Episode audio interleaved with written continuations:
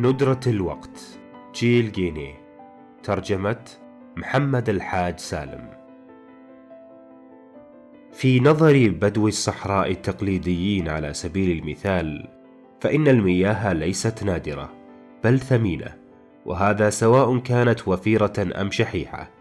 ميشيل فريتاك منذ خمسة عشر عاما وربما كان ذلك في أحد أيام الآحاد التي تندر فيها الأخبار.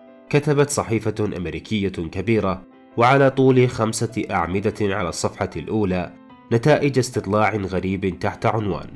أمريكا تهدر الوقت. وقد كان ذلك أحد استطلاعات مؤسسة جولب التي باشرتها على فترات منتظمة بهدف استكشاف التغييرات الطارئة على طريقة الحياة الأمريكية. وخلص إلى تزايد شكوى مستخدمي المورد الزمني من ضيق الوقت في حياتهم سنة بعد أخرى. وللوهلة الأولى عجزت عن فهم علاقة الوقت بالمسألة. فإذا كان الوقت وعاء إذا جاز التعبير فإنه يلزم لكي يزداد ضيقا أن يزداد صغرا.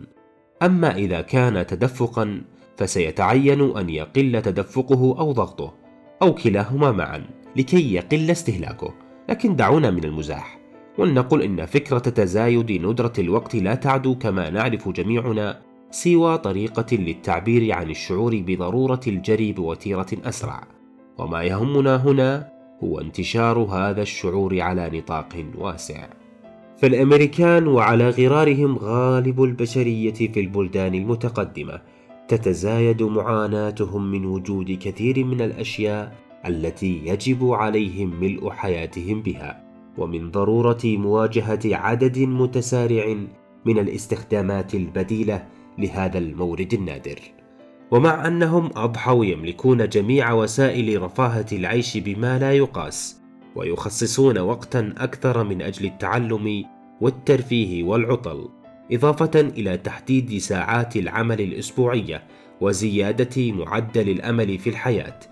إلا أننا نراهم اليوم وبعد مرور خمسين عاما على الإعلان الرسمي عن ولادة مجتمع الوفرة يرزحون تحت ضغط الوقت.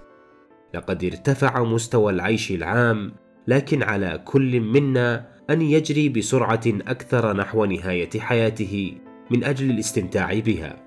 وباختصار فإن كل شيء يحدث كما لو أن السباحة في عمق عشرين مترا من الماء أكثر صعوبة من السباحة في عمق عشرة أمتار وكما أن العيش في وفرة أكثر إجهادا من التعايش مع الجوع.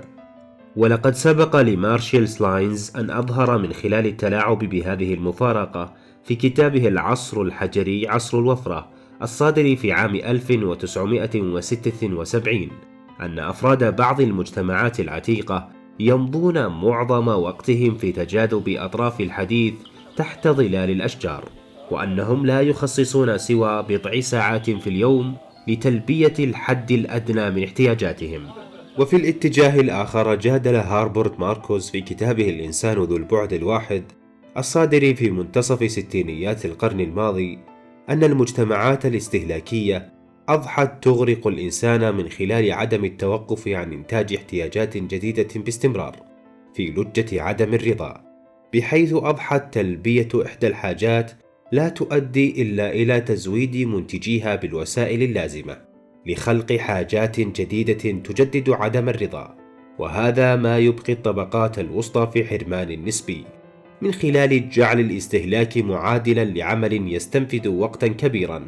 فما إن يتم تثبيت الأضواء الرفافة لحبات القرع في عيد القديسين هالوين حتى يبدأ شراء لوازم الاحتفال بعيد القديس نيكولاس سانتا كلوس ثم التهيؤ لعيد الحب مع التفكير في إجراء الحجوزات لعطلة الربيع لأن عيد الفصح على الأبواب وبعده عيد الأمهات وعيد الآباء وعيد الغجر.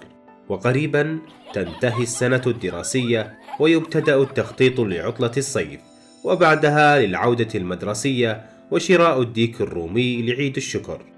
هذا هو النظام الهائل لترذيل تقويم ديني يتجه بخطى ثابتة نحو مقبرة النفايات ويلتحق بملايين الأطنان من حقائب الدعاية التي تردد القداس لا يمكنك الرضا ولكن إذا حاولت فقد تنجح أحيانا. وإن هذا الانهيار الحديث لقيمة الزمن في سوق العقود الآجلة وهو انهيار لا صلة مباشرة له بالنشاط الدؤوب لرجل الأعمال البرغواز القديم الوقت هو المال أو بحقيقة إناسية الإنسان مصيره الموت لأمر يبعث على القلق. وقد يكون من الواجب لتفحص الأمر عن كثب أن نستعين بمثال الماء ولا نقصد هنا ماء الصحراء الذي صدرنا به مقالنا بل ذاك المتدفق بوفرة في شبكات أنابيب الدول الغنية. والذي سيدخل قريبا هو أيضا مجال الندرة. إن ماءنا ولنطلق عليه هذه التسمية تمييزا له عن ماء الصحراء يمثل لنا في الواقع وسيطا شاملا فما من شيء نقوم به إلا وهو حاضر فيه. فماؤنا يمكنه تدفئة المنازل وتبريد محطات الطاقة النووية كما يمكنه فرز النفايات بالتعويم أو إدخال السفن إلى ساحات المصانع بالطريقة نفسها وهو مذيب شامل يمكنه نقل مبيدات الآفات إلى أوراق الشجر والسماد إلى الجذور والألوان إلى الجدران وطعم الدجاج إلى الحساء تماما كما يمكن أن يحمل معه جميع السموم من المصانع الكيميائية نحو المياه الجوفية وباعتباره سائلا. يمكن استخدامه في نقل الفواضل البشرية والمنتجات المنجمية المفتتة والأخشاب المقطوعة والمواد الصناعية الكاشطة كما يمكنه أن يبقي ملايين الهكترات من العشب رطبة بعد تنظيف المدن أثناء نزوله من الجبال. كما يمكنه إحياء الوديان الصحراوية المزروعة بالنباتات المعدلة وراثيا أو إغراق غابات بأكملها. وتحويلها إلى بحيرات كبيرة. بل ويمكنه أيضا وهذا أقل عيوبه أن يتشارك مع الهواء والضوء وهما لا شيء تقريبا لتشكيل أساس كل مادة حية وهي كل شيء تقريبا. ولجميع هذه الأسباب فإن ماءنا لا طبيعة له أو وجهة أو خصوصية أو أهمية فهو هو سواء كان في كأس مشروب فاخرة أم في بالوعة أوساخ ونحن لا نحترمه ولا نكن له أي عاطفة فكل ما لدينا من عواطف مائية تتركز بصفة أساسية إما على المطر المكروه المفسد لحياتنا أو على الأمواج الممتعة ومسابح المنتجعات التي لا يرتادها إلا الأثرياء. وحين يكون علينا استخراجه وتصريفه وتصفيته وإيصاله لمستخدميه فإن لاستخدامه هذا ثمنا وهو التكلفة المادية لتلك الأعمال. أما حين يمكننا تلويثه دون كبير انزعاج فهو لا يكلفنا شيئا تقريبا. وبما أن التقاء فروق الأسعار هذه واختلاف القدرة على الدفع هو ما يحدد كيفية استخدامه فقد أضحى في نظرنا مجرد سلعة نادرة ذات استخدامات بديلة أي مجرد كيان اقتصادي أساسا يمكن تحويله إلى أي سلعة اقتصادية أخرى بواسطة آليات حساب التكلفة والعائد. وبما أننا لا نخصصه بحكم طبيعته لوظيفة محددة ولا نربط استخدامه بجانب محدد من الحياة ولا نصونه من التعدي بترشيد استخدامه ولا نجعله غير قابل للتحويل بسبب تعدد استخداماته فإنه يغدو قابلا للتدهور بلا حد كلما أمكننا دفع ثمنه. حتى وإن أدى ذلك في نفس الوقت إلى غيابه عن تأدية وظائف حيوية تحقق أسمى الغايات منه وهي الوظائف التي تعاني بانتظام نقص السيولة النقدية فمن يعانون العطش وهذا أمر معروف جيدا لا مال عندهم وهذا ما ينذر باقتراب اليوم الذي سيعاني فيه كل من لا مال عندهم من العطش إن لم يغمرهم الطوفان. وعلى غرار الماء. يتعرض الوقت حاليا ولكن على مستوى الذاتية الفردية لتوحيد مشابه لمجالاته من خلال إلغاء العقبات التي تحول دون سيولته بصفة نهائية. ففي مجتمع تمثل فيه الخدمات ما يصل إلى 70% من السلع الاقتصادية يتم تقديم تلك الخدمات في جميع ساعات الليل والنهار وعلى امتداد أيام الأسابيع والمواسم والسنة. وهي تشمل التدليك العلاجي وصولا إلى فطيرة الفراولة الطازجة ولا يعمل الناس سوى 35 ساعة فحسب في الأسبوع. لكن بما أن الجميع يعمل طوال الوقت في كل مكان فإن الوقت المجرد للعمل أي الوقت الذي يساوي المال هو من يفرض قانونه على الجميع. لقد تم القضاء على العوالم التي يتنافس فيها عدد محدود من الأنشطة على استخدامنا أمسيات الثلاثاء الشتوية وعلى الغسيل أيام السبت وعلى وقت تناول وجبات الغذاء. بل إن ذلك تم في بعض الحالات بموجب القانون. لقد أضحى بإمكانك تناول طعام العشاء وأنت واقف في أي وقت من اليوم وخلال 17 دقيقة في المتوسط في سلسلة المطاعم الأمريكية والاستفادة من التوقيت المرن وشراء لوازم المؤونة ليلا والتعلم ضمن دورات مدة تسعة أيام كل مرة والذهاب في عطلة في شهر نوفمبر الخريفي. ونظرا لعدم وجود حواجز مانعة بين الفترات التي يجب أن يخصص كل منها بصورة طبيعية للقيام بأنشطة محددة حسب ما تقتضيه بعض القيود الاجتماعية فقد أصبح وقت الأفراد وسيطا متجانسا وقابلا للتحويل على المستوى العالمي. وهذا ما جعل قوة الالتزامات النسبية حقيقة كانت أو متوهمة والتي تدفع إلى تكريس بعض الوقت لأداء أنشطة مختلفة تعمل وكأنها نظام أسعار يوجه استهلاك المورد النادر دون مراعاة القيود الرمزية التي قد تؤثر في طبيعة مختلف فترات اليوم والأسبوع والشهر والسنة أو دورة الحياة برمتها. وبما أن جميع طلبات الوقت هذه تمتح من نفس خزان الوقت السائل والمتجانس، فإن الفرد يجد نفسه وحيدا في مواجهة الاقتصاد التنافسي لأهوائه، وبفعل ندرة ذاك الوقت، فإن الطابع اللانهائي لهذه أو تلك من رغبات الفرد أو التزاماته ينتشر ليغطي جميع مناحي حياته وبذلك يغدو حبيس ضيق الوقت بصفة دائمة. وقد يكون الفرد العامل في شبكة تكنولوجيا المعلومات في بيته وفق عقد هو الأكثر تضررا.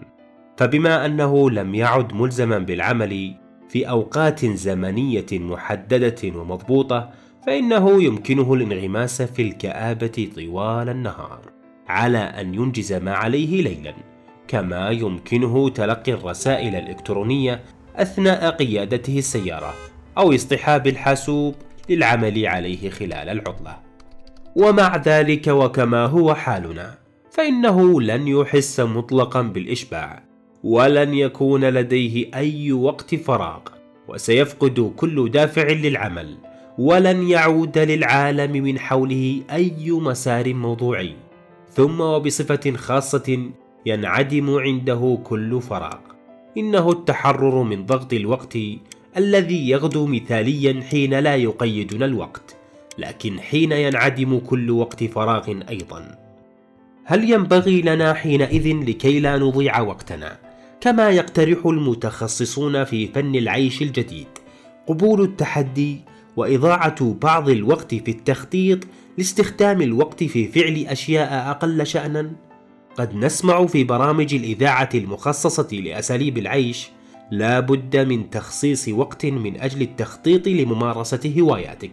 فعلى غرار المال الذي يكسبه البنك من القروض التي يسندها إلى الناس يسعى الوقت اليوم إلى تحقيق مكسبه الخاص من خلال عمليات يطبقها على نفسه.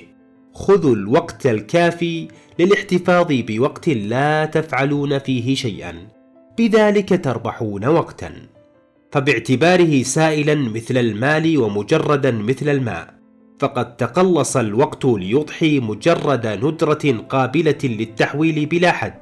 وباعتباره وسيطا معمما للتبادل بين أبعاد التجربة الذاتية. فإنه يمنع وجود أي لحظة زمنية لا تستمد قيمتها من ندرته.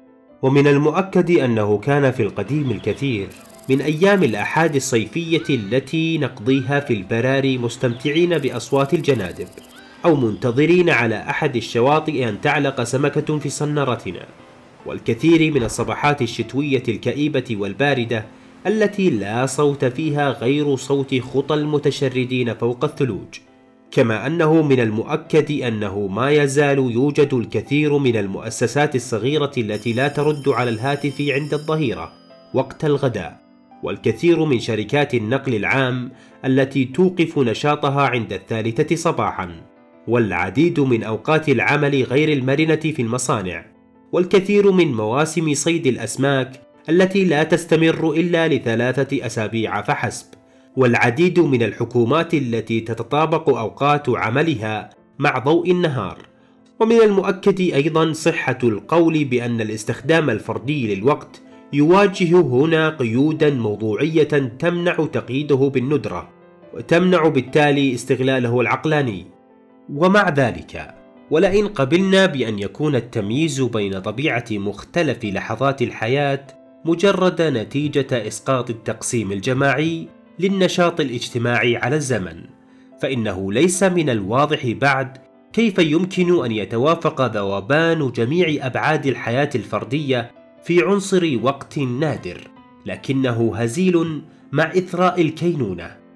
الحق أننا قد نكون بكرنا من خلال قابلية الأشياء النادرة للتحويل فيما بينها بإضفاء صفة الندرة على رؤيتنا الذاتية للعالم. أي إضفاء شكل تاريخي واجتماعي عليها على غرار ما نفعله بالأشياء النادرة الأخرى.